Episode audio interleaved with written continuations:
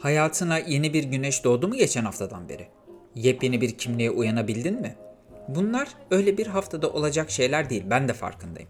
Bunlar belki haftalar alacak, belki aylar alacak kararlar. Peki bu kişiden kişiye değişir mi? Evet. Hemen karar alıp uygulamalı mıyım? Buna da evet. Peki Avrupalıların Türk gibi başlamak deyimi ne olacak? İşte bizdeki en büyük problemlerden biri bu. Ya başlayamıyoruz ya da çok hızlı başlayıp sonunu getiremiyoruz. Ülkenin %90'ı diyete pazartesi başlar. Sigarayı pazartesi bırakır. Spora pazartesi gider ama o gün günlerden salı ya da çarşamba falandır. Yani bir karar almaya istekliyizdir ama o kararı alacak gücümüz yoktur. Bazen sadece birileri o kararı aldığı için almak istiyoruzdur. Bak şu kızı görüyor musun? Ne de istikrarlı spora gidiyor. Ben de pazartesi başlıyorum. E bugün başla. Yok pazartesi başlayacağım. Niye? İşte yeni hafta yeni bir ben. Kusura bakma da hiç de yeni bir sen yok. Bu spor kararı senin içinden gelmiyor ki biri yapıyor diye yapmak istiyorsun. Bu karara giden bir yol var. Bak lütfen bunu sakın unutma. Ve bu yolun taşları hiç de öyle iyi niyetli falan döşenmiyor. Hayatımızdaki birçok kararın taşlarını Mısır'daki köleler gibi biz zorla taşıyoruz. İstemeden, direnemeden belki de. Bu öyle bir an oluyor ki evet ben buyum diyoruz. Bak 1 Mart 2016 günü sabah uyandım ve dedim ki ben artık kilolu biri olmayacağım. Sana hastane maceralarımı geçen hafta anlattım. O hastane günlerindeki askeri öğrenci hastaneye girdiği gibi çıkmadı. Üstüne tam 20 kilo koyup çıktı. Bir de yüksek lisans tezini yazarken bir saldı. Oldu mu sana tam 113 kilo? Birazını Türkiye'ye dönünce verdim ama artık 98 kilo bir devdim. Çok mücadele ettim ama vermek için değil. Durumu normalleştirmek için. Kilomu inkar ettim, kendime kızdım ve en sonunda ben şişko biriyim diye kabullendim. Ve bir 4 senede böyle yaşadım. Ama ne dedim sana ben? Bir kimliği kabul etmek istemiyorsan dilin söylese de kalbine uymuyor. Çünkü gençliğim böyle değil. Bu sonradan benim kazandığım bir şey. Kazandığım da kilolarca ya. Ne büyük bir kazanç. Ama 1 Mart 2016 sabahı uyandım ve dedim ki ben artık kilolu biri olmayacağım. Olmayacağım ya. Bunu bana kimse dayatmıyor ki. Kimse gelip ben uyurken 10 bin kalori enjekte edip gitmiyor. Deli gibi yiyorum, mal gibi oturuyorum. O gün bir karar ile hayatımı değiştirdim ve tam 30 kilo daha verdim. Bunu sana niye anlatıyorum biliyor musun? Haha bak ben ne iradeli adamım da öyle aslanlar gibi tuttuğumu koparıyorum da değil değil. Bu kararı ben aldım. Başka kimsenin bunu bana dayatmasına da müsaade etmeden aldım hem de. Sokma akıl kafaya girmez der annem. Hayatıma yön veren sözlerden bir tanesi de bu. Bu bir iç motivasyon. Ama bu motivasyonu bize sağlayan her daim gül bahçesinin sevgili bahçıvanları değil. Çevremiz de aldığımız kararlar üzerinde önemli bir etmen. Bizi bu karara götüren yolların taşlarını döşerken bize çok fazla yüklenebiliyorlar. Şişkosun oğlum sen, seni kim niye alsın?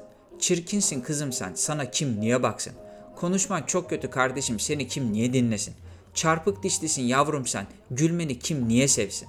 Kendi götlerinin boklarına bakmazlar, bizi ölümünü eleştirirler.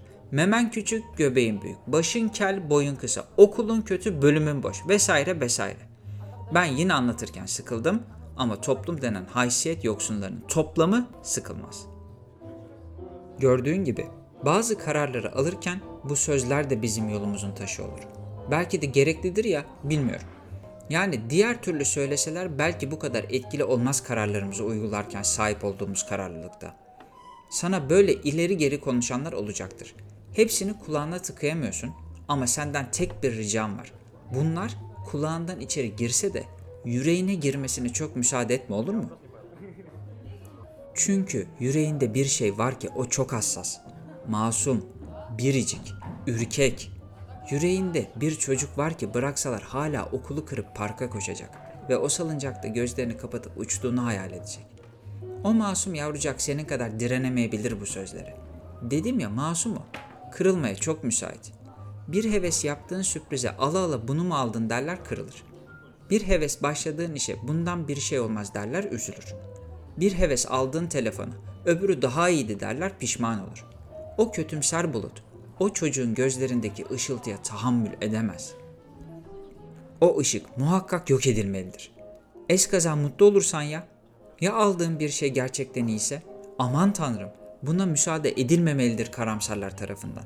Bir de sen onlardan farklı düşünüyorsan bu sefer o çocuğu üzmek de yetmez. O çocuk öldürülmelidir. Çünkü sen kimsin ki onlardan farklı düşüneceksin? Onlar gibi yaşamayacaksın. Onlar gibi inanmayacaksın. İçindeki çocuğu üzmek için vurmazlar bu sefer. Hedeflerinde o çocuğun kalbi vardır. O masum ölene kadar uğraşırlar seninle. Peki bu çocuk ölür mü? Herkes bazen karamsarlığa düşer. Çünkü öyle korkmuştur ki yüreğinin derinlerine saklanır. Başını dahi çıkarmaz birkaç sene belki. Ama korkma. Onu hiç kimse, hiçbir şey, hiçbir inanç, hiçbir görüş öldüremez. Sen müsaade etsen de öldüremez.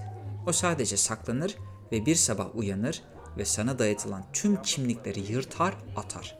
Sen 30 yaşında da olsan içindeki 10 yaşındaki çocuk senden büyüktür. Çünkü akıl yaşta değil, baştadır. Çocuklar masumdur. Çocuklar toplumun hastalıklı düşünce yapısını anlayamazlar. Bunu kabul de edemezler. Çünkü o değer denen o saçma sapan yargılar onlara oturmaz. Bunu sana oturtabilirler ama o yavrucağa oturtamazlar. Ve onun gözlerinde ışıltı olduğunu görürse yok etmeye çalışırlar. İşte burada o silahları doğrultanlara karşı bir mücadele veriyoruz biz, kendi yolumuza gidenler. Silahlarının menzili dışına kadar yürüyebildiğimizden bizi vuramayacaklarını anladıklarında bocalamaya başlıyorlar. Bu hayatta beni bu kadar mutlu eden çok az şey vardır. O çocuğa çelme takabileceklerini sanıyorlar ama fark ediyorlar ki o çok uzakta. Bu yüzden de saçma sapan bir halde kalıp sana bakıyorlar. Kendilerine dahi itiraf edemedikleri büyük bir hırsla toparlanmaya çalışıyorlar ama zararla oturuyorlar.